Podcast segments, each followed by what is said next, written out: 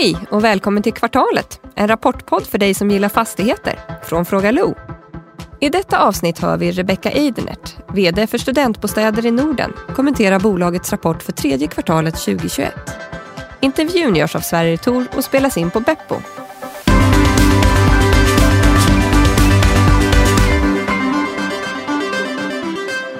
Hej och välkomna tillbaka till Kvartalet. Eh, och hej Rebecca Eidenert. Hej Sverige! Och välkommen tillbaka. Tusen tack! Kul att ha dig här igen. Roligt att vara här. Eh, vi börjar med den obligatoriska frågan. Är du Mm. nöjd med rapporten? Jo, men det är jag. Absolut. Eh, sen vill den man ju alltid förbättras. Mm. Eh, och eh, vi är ju liksom i ett tidigt skede och eh, det är väldigt mycket som händer. Mm. Mm. Så ja, Jag ska försöka vara lite tuff mot dig idag. Men vi börjar Mm. med att lyssna på, på vad Niklas Höglund har att säga. ja. På JLL. Ja, då var det dags för en snabb analys av studentbostäder i Norden. Och eh, man kan lägga ännu ett aktivt kvartal på, på hyllan. Eh, och nu börjar ju dessutom resultatet stärkas av förvärv. Bolaget rapporterar en väldigt stark utveckling av intjäningskapaciteten. Upp med mer än 50 procent jämfört med andra kvartalet. Och det är ju, vad ska man säga, det viktigaste som jag tar med mig från rapporten. Det är fortfarande mycket händelser efter kvartalets utgång och flera förvärv i Norge som kommer att tillträdas. Det som är spännande där är att bolaget samtidigt gör en riktad emission på cirka 13 procents premie till substans och det är ju 20 procent högre än ja, dagens kurs i aktien. En, en positiv signal vilket eh, stärker utsikterna för tillväxt och visar på ett bra intresse eh, för aktien. Och bolaget ger lite mera eh, kött på benen när det gäller sin expansion i Norge, beskriver marknaden lite kort i sin rapport. En marknad som ska bli spännande att följa och som är relevant efter eh, förvärven under kvartalet. Och jag tycker också att bolaget på ett bra sätt visar på potentialen från högre hyror jämfört med hyresrätter.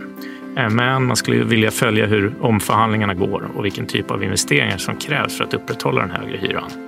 Den starka tillväxten sätter ju lite press på räntetäckningsgrader och förvaltningsresultat i kvartalet och det är ju givet de höga finansieringskostnaderna som kommer in.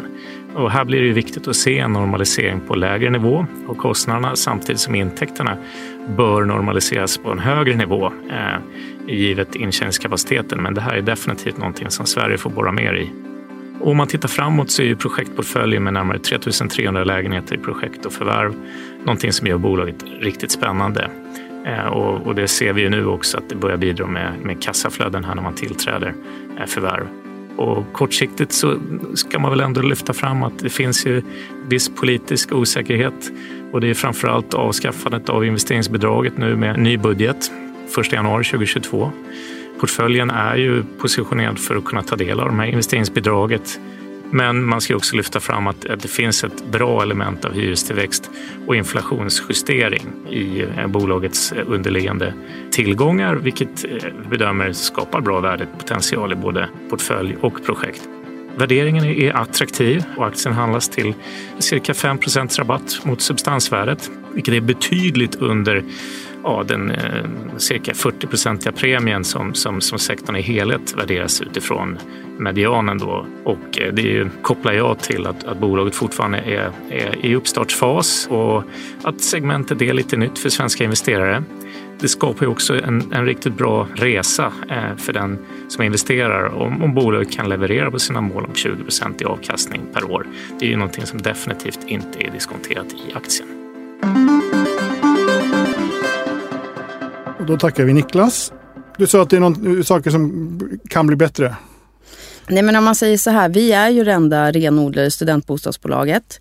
Det gör ju också såklart att vi behöver ju liksom lära ut eh, på marknaden att våra hyror kommer inte kontinuerligt liksom under året på, på samma nivå. Utan vi har ju ett bestånd med 10 månaders hyror.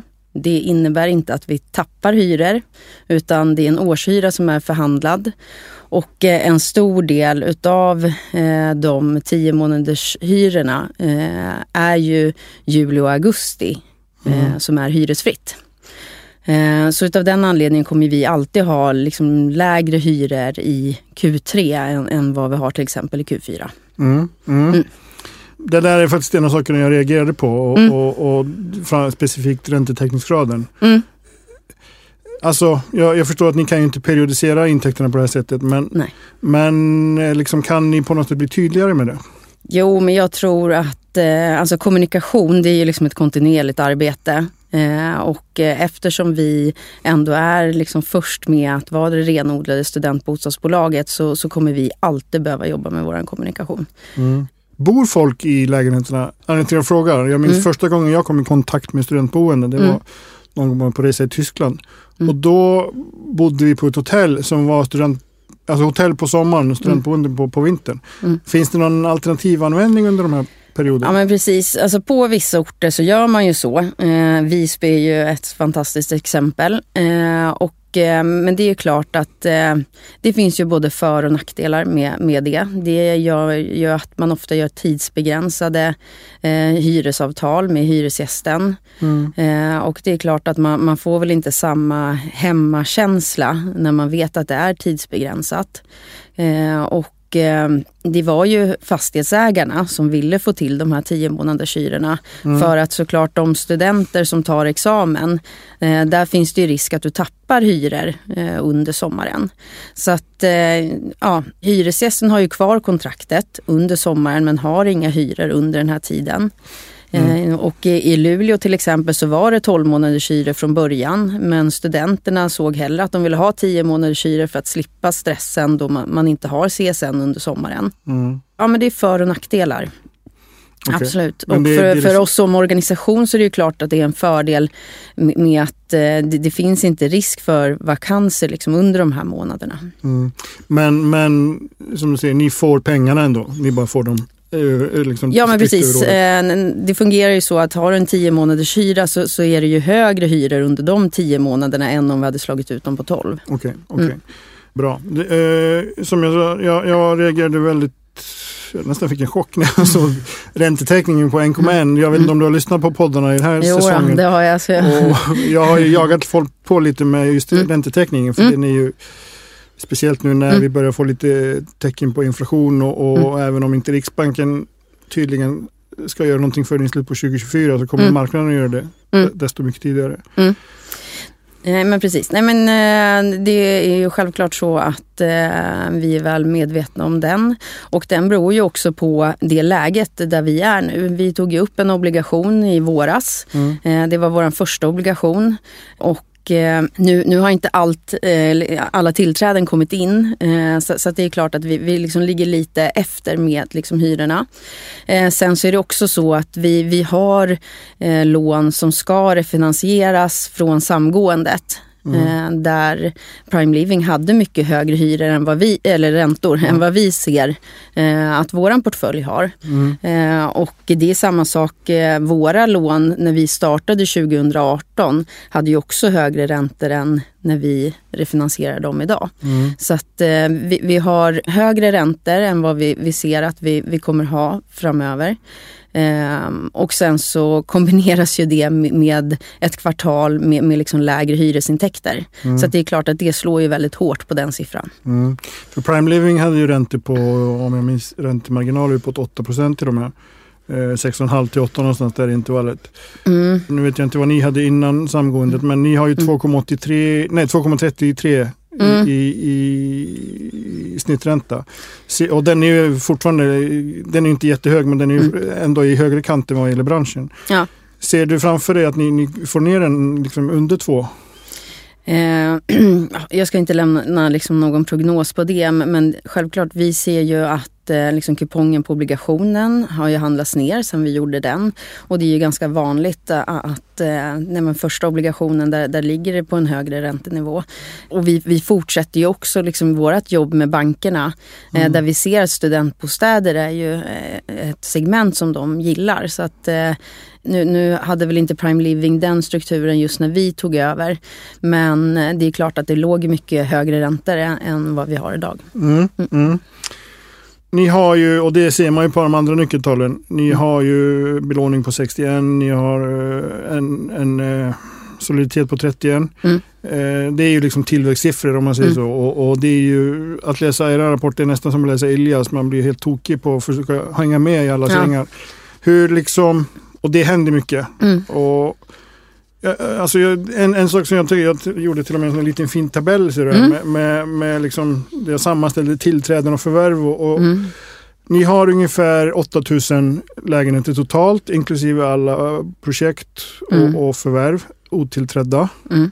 Vad ser du liksom är, har du någon målstorlek på, på liksom beståndet? Nej, men vi har ju sagt att vi ska komma upp i 10 000 eh, bostäder, studentbostäder som vi förvaltar till 2025. Eh, och eh, det är ju såklart så att eh, nu har vi liksom ändå nått till liksom en massa, mer än liksom de här 6 miljarderna. Vi kan bli lite mer picky i vad vi liksom köper. Vi har en projektportfölj som kommer generera liksom en organisk tillväxt. Så att ja, det är självklart så att vi liksom jobbar snabbt. Vi, vi, vi gillar liksom tillväxten. Mm. Eh, men vi har väldigt mycket att göra med den projektportföljen som vi har. Så att eh, hur som så, så kommer det liksom vara en tillväxt i bolaget. Mm. Mm.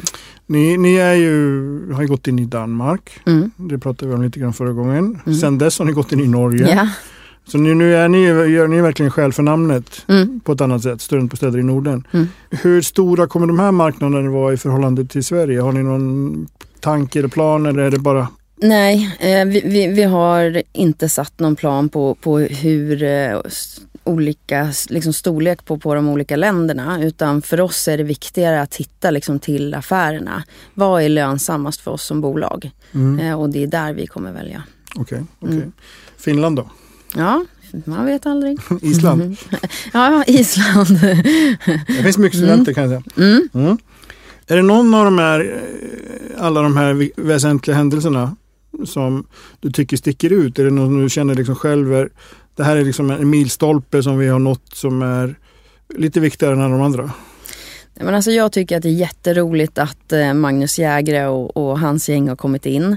Eh, jag känner ju Magnus sen tidigare när vi jobbade på Rikshem. Eh, och det är klart att alla liksom våra systemval som vi har gjort har, har ju jag haft lite ont i magen för då och då. Mm. Och jag diskuterade dem med Magnus tidigare och, och, han var lite så här, nej men nu är du nästan tokig om du liksom vågar ta de här liksom nya systemen som har kommit. Samtidigt så är det så med fastighetssystem men att har du nått en för stor storlek så blir det väldigt svårt att byta. Så att vi förstod att det var i det läget eh, som vi behövde bestämma oss. Och det är fantastiskt roligt att se nu när Magnus har kommit in och, och han är helt lyrisk för alltså det upplägget som vi har som gör att vi kan koppla på så mycket olika nya saker som eh, tyvärr en traditionellt system inte skulle klara av. Mm. Och vi, vi, vi liksom börjar kunna köra ut det och, och, där är det också jätteroligt med samarbetet med Avi där vi kommer fortsätta utveckla tillsammans. Och de, de tycker det här är, är jätteroligt att vi kommer som är så himla på. Mm. Eh, så, så att där tror jag att vi kommer se många nyheter under nästa år. Okej, okay, okay. Mm. Just det här med, med, den här digitala omställningen eller omställning mm. kanske inte är, ni, ni är ju eh, ganska ungt bolag så det mm. kanske är liksom en del av bara mognaden. Eh, men just det här samarbetet med Avi, alltså är det här liksom en tillväxtfaktor eller är det liksom, kommer ni hitta synergier eller skaleffekter? Mm. Är det där du, ni, ni kommer kunna räkna hem om, om jag, om jag... Ja, men alltså det finns väldigt mycket i arbete tror jag, framförallt i uthyrning och ekonomi där vi kan automatisera. Så, så dit vi inte har kommit än. För jag, jag kan jag har varit på väldigt många seminarier kring det här med liksom digitaliseringen. Och man blir så frustrerad när man går därifrån. Eh, att alla tycker att det är bra, alla är så positiva. Men jag går därifrån och känner att ja, men det är inget av det här jag kan bara sätta igång med idag. Mm. Utan det är liksom hela tiden pratas framtid. Men man vill, jag vill ha mer, vad kan vi göra nu? Mm. Mm. Som jag brukar säga, proptech är inte intressant förrän det är liksom Nej. passé. Typ. Mm.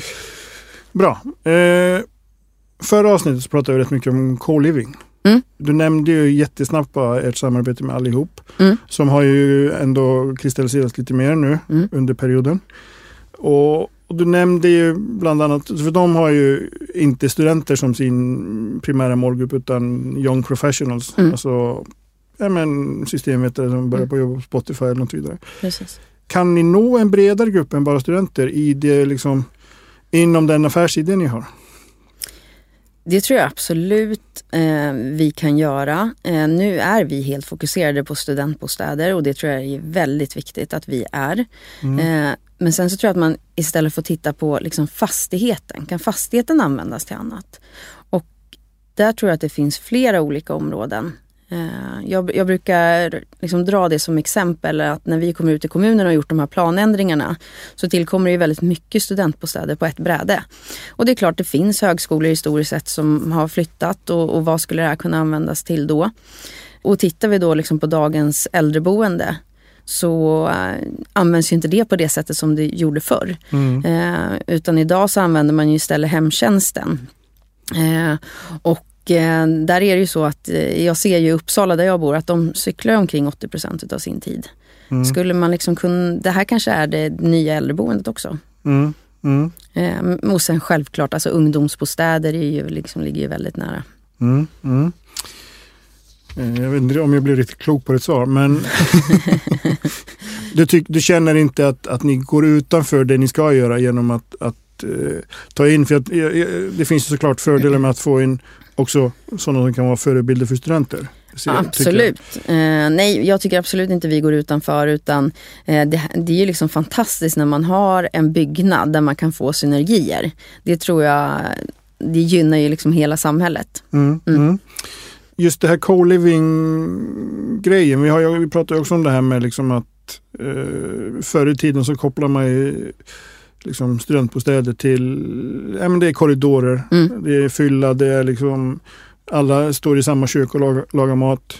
Mm. Det är liksom, ja det kan ju vara ganska stökigt om man mm. säger så. Mm. Men, men nu är det ju ändå mer liksom att det är ett community på ett annat sätt. Eh, är det liksom modellen framåt? Ja, men vi är ju jätteglada att få göra projektet i Stockholm och i Spånga där vi får just eh, över tusen lägenheter på ett och samma ställe. Eh, ibland glömmer man bort hur många bostäder tusen lägenheter är. Mm. Eh, och där använder vi liksom det gamla konceptet på korridor men vi moderniserar det ju genom att gemensamhetsytorna är på ett och samma ställe där vi fastighetsägare kan ta hand om det eh, ändå kostnadseffektivt. Mm. Och samtidigt ge våra hyresgäster möjligheten att umgås och må bra tillsammans. Mm. Så det, det är ju jättekul att eh, liksom få fram en ny sån produkt. Mm. Men ser du framför dig att ni kommer göra det på, på, på era andra marknader också? Jo, eh, jag, jag, tror absolut. Men, men, men, problemet här är ju att du behöver nå upp till en massa för att klara av de här gemensamma utrymmena. Mm, mm. Okay, okay. Och det, det för oss osökt in på en annan fråga som jag hade. För det är ju ändå, mm. som du säger, tusen lägenheter är rätt mycket. Mm. Men, men det är fortfarande så att på någonstans sådär när jag läser, och det är kanske för att jag inte riktigt kan studentbostäder som jag tycker det är ganska små enheter ibland. 99 lägenheter mm. här och så vidare.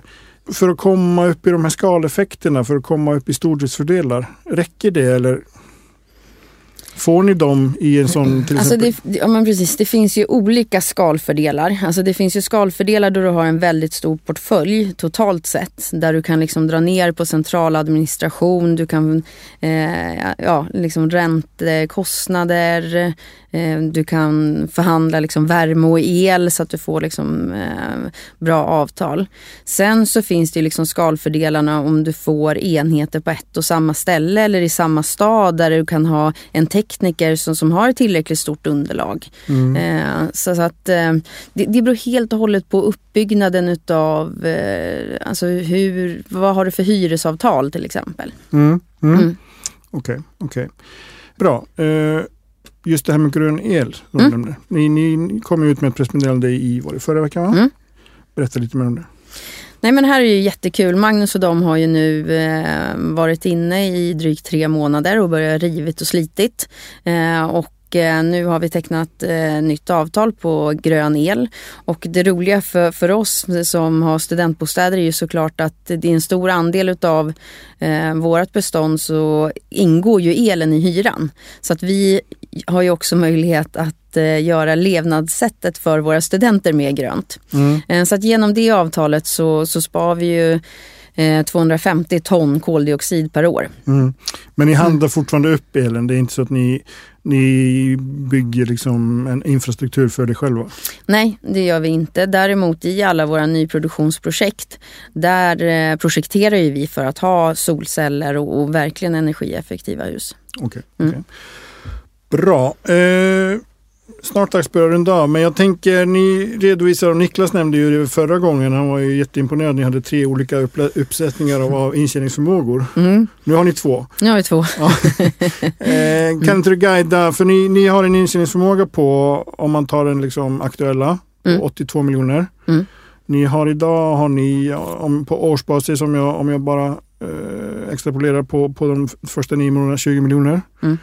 Hur, liksom, hur ska ni nå upp dit? Mm.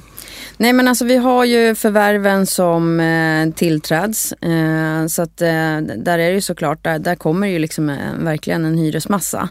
Eh, sen så är det ju eh, projekten eh, inom de närmaste 12 månaderna. Men den här kommer ju öka också om man jämför med den projektredovisning som vi också med, har med nu i rapporten där, där vi redovisar mer specifikt på varje projekt med hur många lägenheter, antal kvadrat, hur mycket ska investeras, vad blir hyrorna när det står klart och, och hur ser tidsplanen ut. Mm. Och eh, där har vi också med en jämförelse med, alltså just, för, för det tror jag också är en kommunikationsdel eh, från våran sida, att verkligen liksom lyfta upp att hur fungerar det här med eh, hyresförhandlingen och beräkningsmodellen med Hyresgästföreningen. Och eh, då har ju vi jämfört våran projektportfölj på totalen med vad får vi ut för snitthyra med då investeringsstödshyrornas eh, begränsningar. Mm. Eh, och sen så jämfört det med snittet på investeringsstöden eh, för 2019 tror jag är det senaste som finns. Och där ser man ju att eh, vi, vi har ju 47 procent högre hyresnivå där. Då. Mm. Eh, så att eh, det är ju just att de här små enheterna ger väldigt höga hyror per kvadratmeter samtidigt som hyresgästen får en lägre hyra eh, då per, per, månad än om det skulle vara en större lägenhet. Och det ser vi i undersökningarna att det är ju det de söker. Mm, mm. Mm. Det blir spännande att se. Eh, jag såg att ni fick ingen jättebra respons på börsen på, på rapporten. Men det blir spännande att se om, om, eh, om den eh, repar sig. För som jag har sett, jag, jag är helt frälst på det här med studentbostäder. Men eh, du ska få samma avslutningsfråga som alla andra. Mm. Eftersom du har lyssnat på podden så har du kanske preppat på den också. eh, alltså hur ser din vardag nu ut jämfört med innan pandemin? Har den ändrats någonting? Inte speciellt mycket måste jag erkänna. Eh, vi eh, har varit på kontoret under hela pandemin. I princip all personal. Ingen har fått corona, peppar peppar ta i trä. Så att, eh, nej men vi, vi kör på och, och fördelen såklart eh, är ju att nu kan vi liksom åka till grannländerna och, och, och, titta på fastigheter. Det har vi ju lyckats göra med de här transaktionerna vi har mm. gjort men det har varit krångligt. Mm. Eh, så att, men, men annars, vi, vi har liksom varit igång och det har ju varit lite spöklikt ibland när man har gått runt i Stockholm under den här tiden. Men ja, vi tycker om att vara på kontoret. Eh, så att eh, ja, mm. vi gasat på under tiden. Kul. Stort tack Rebecka. Tack själv. Och tack för att ni har lyssnat. Vill du ha koll på de viktigaste trenderna i fastighetsbranschen? Lyssna på vår podcast Fastighetspanelen med Sveriges ledande rådgivare, där poddar finns.